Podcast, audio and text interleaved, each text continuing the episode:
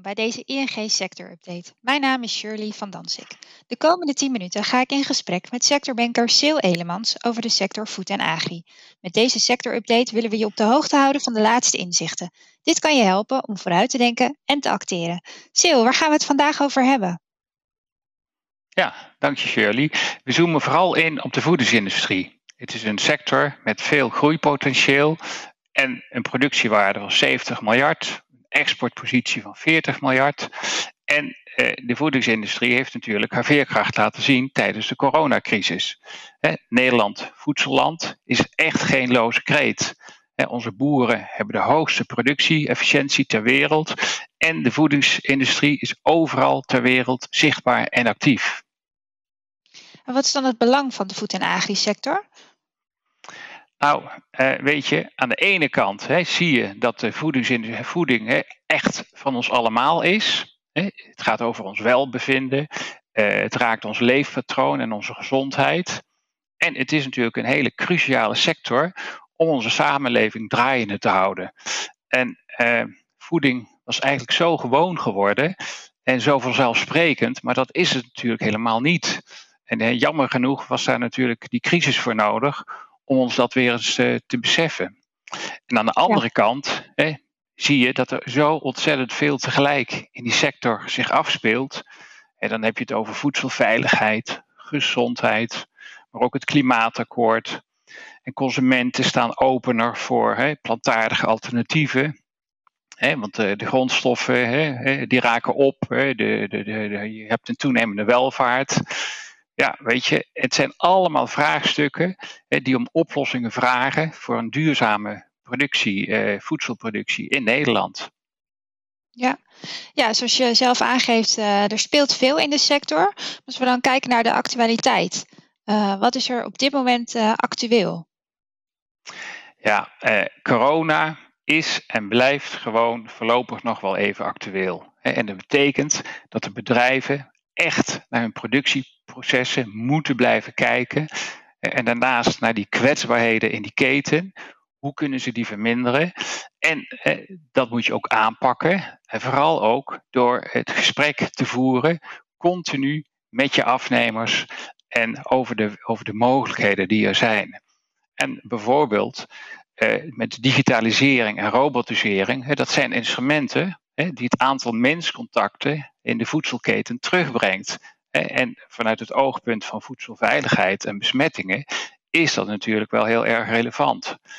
Ehm, en sowieso, hè, digitalisering en, en, digitalisering helpt hè, om besmettingen in die keten eh, eh, vroegtijdig op te sporen. Hè, dat je dichter en sneller bij die bron bij, bent. Ja, er uh, gebeurt veel in deze sector zo te horen. Uh, ik ben eigenlijk ook best wel benieuwd naar de trends en ontwikkelingen. Uh, zijn er twee trending topics voor, sorry, trending topics voor jou binnen deze sector? Ja, er zijn natuurlijk meerdere, maar een paar springen eruit. Ik denk de eerste trending topic is wel de transparantie in de voedselketen. Hè? Waar komt mijn voedsel vandaan en welke grondstoffen worden gebruikt? En ja, dat is natuurlijk uh, heel erg relevant. En uh, ik denk dat de consument, hè, die heeft steeds meer aandacht voor uh, gezondheid, immuniteit en hygiëne. corona heeft daar natuurlijk een impact op. En personalized food is een opkomst. En belangrijk daarbij is echt dat die consument continu zoekt naar betrouwbare en geloofwaardige producten. Want wat, wat ligt er nou eigenlijk op mijn bord? Waar komt het vandaan? En welke ingrediënten zijn gebruikt? Dat is echt heel erg belangrijk. Ja. En een tweede eh, trending topic.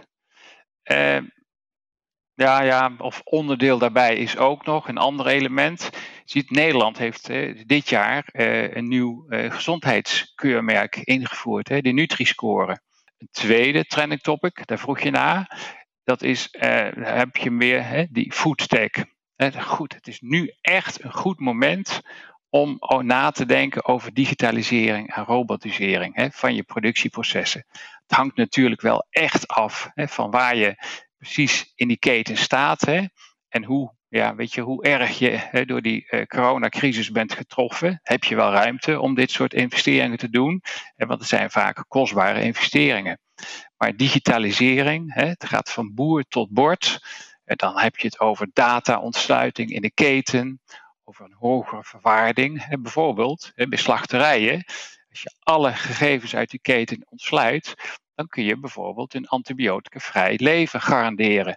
En daar heeft een consument dan weer meer voor over. En dat is een mooie, dat is een, dat is een, ik denk dat is een hele mooie toepassing. Ja, uh, het nieuwe jaar is, uh, is alweer twee weken, of nee, langer al, vier weken bijna van start gegaan. Uh, ik ben eigenlijk wel benieuwd wat jouw verwachtingen zijn voor de toekomst. Wat gaat de ja. sector allemaal. 2021, dat, ja, dat, zal een, eh, dat, zal een, dat is en blijft natuurlijk een heel, bijzonder jaar. En de Nederlandse economie is voor, is, zal in 2021 hè, volgens uh, ING groeien met 2,6 procent. En eh, dat is wel hè, na een krimp van hè, ruim 4 procent vorig jaar. En wat je wel ziet is dat de voedingsindustrie, hè, omdat het een cruciale sector is, het beter doet dan de gemiddelde eh, Nederlandse economie. Dat is ook een voordeel, hè? want je hebt een essentieel product en dat is voedsel. Het is natuurlijk altijd wel een dubbel gevoel, hè? want het is helemaal afhankelijk van waar je precies in die keten zit. Hè? Of je echt voor hè, profijt hebt hè, van, hè, van het werken in die sector. Hè? Dus zit je in de, in de food retail, hè, de supermarkten, of lever je aan de, aan, aan, aan de food service, dat maakt nogal uit. En ook de mix tussen import en export, dat, dat bepaalt ook wel hè, voor een groot deel waar je omzet vandaan komt.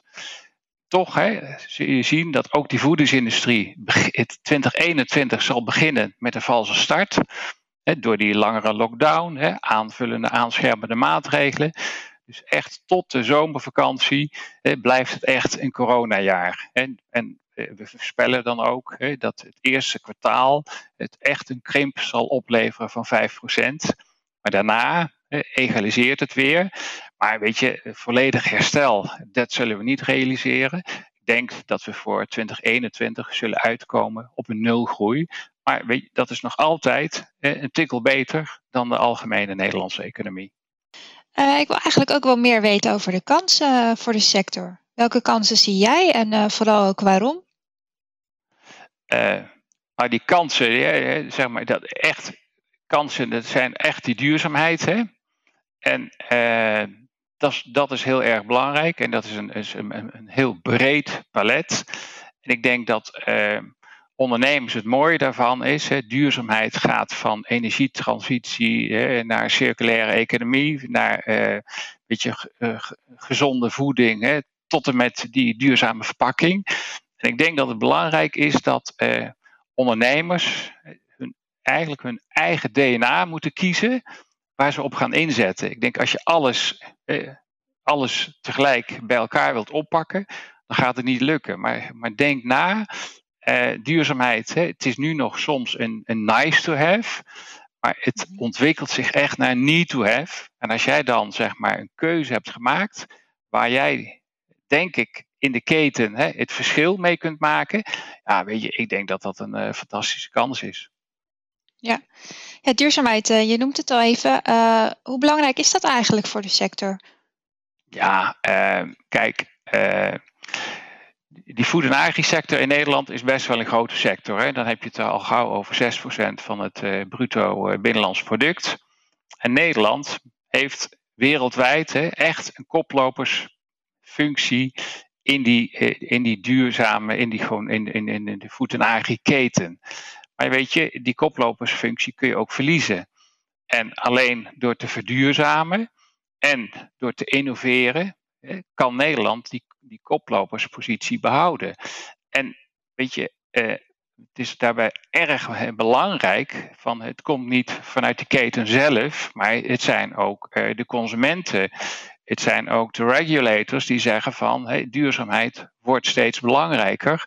Ehm, de Nederlandse bank heeft zelfs opgeroepen en andere stakeholders van joh, als je eh, uit het herstel gewoon komt, investeer dan vooral in groene, in groene eh, activiteiten. Want dat, dat, dat maakt je klaar voor de toekomst, Zodat je gewoon, ja, weet je, echt, echt next generation klaar bent om jouw bijdrage aan een duurzame voedselketen te leveren. Ja, en waaraan zie je dat dan eigenlijk?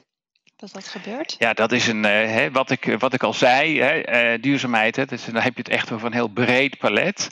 Maar, maar je ziet initiatieven door het land heen, bijvoorbeeld als je kijkt naar uh, de verduurzaming van je, van je vastgoed. nou, dat kun je gewoon snel doen. Je kunt een zonnepaneel erop zetten. Maar er zijn ook, zeg maar, ondernemers die met een duurzaam gebouw zich willen onderscheiden ten opzichte van de rest. En dat kun je dan bijvoorbeeld doen met een heel, eh, met een internationaal objectiveerbaar eh, duurzaamheidskeurmerk, bijvoorbeeld BREEAM NL. En die toetst en die checkt op, op een negental criteria, zeg maar, hoe duurzaam jouw gebouw is. En ja, dat zijn mooie voorbeelden. En dat, dat zie je, in de, dat zie je eigenlijk door de hele keten heen. Hè? Vlees, zuivel, groothandels, maakt niet uit. Ja, mooie voorbeelden. Uh, maar hoe kunnen wij als ING eigenlijk op verduurzaming inspelen? Um, nou, ik denk, ik denk dat dat heel erg belangrijk is. Hè. ING heeft natuurlijk als een van de eerste zeg maar, de Parijs-klimaatakkoorden uh, omarmd. En we hebben natuurlijk gewoon de, de klimaat, het klimaatakkoord en de klimaatwet. Daar moet je gewoon aan voldoen. En ING heeft een, een, eigen duurzaamheidsprogramma ontwikkeld met vier pijlers. De energietransitie, vastgoed, eh, mobiliteit en circulaire economie. En ik denk dat het heel erg belangrijk is dat ING daarover met hun relaties in gesprek gaat. Wat betekent duurzaamheid nou eigenlijk voor jouw primaire proces? En wat gaat jouw bijdrage zijn om die tussendoelen in 2030 te gaan realiseren. Weet je, 2050 is zo ver weg, maar met die tussendoelen in 2030, dan komt het dichterbij. En weet je, dan, als je dan het gesprek aangaat met zowel met je toeleveranciers als met je afnemers, kijk, dan, eh, dan ga je stappen zetten. Ja, zeker. Um, en koplopers, als we daar naar kijken. Uh, wat kan je daarover vertellen? Hoe herkennen we die eigenlijk? Uh, ja, dat is eigenlijk best wel lastig, hè? want wat is nu een koploper? Hè? Ik denk dat koplopers, hè, die, die zijn in staat hè, om uh, omzetten, als die omzetten dalen, dat ze heel snel en flexibel zijn om mee te bewegen. Om hun kosten aan te passen, om, of misschien om een ander afzetkanaal te realiseren. Maar koplopers, dat zijn natuurlijk ook bedrijven die vernieuwen en die samen met afnemers en toeleveranciers eh, verbeteringen in hun productieproces proberen aan te brengen. Dan heb je het echt over co-creatie.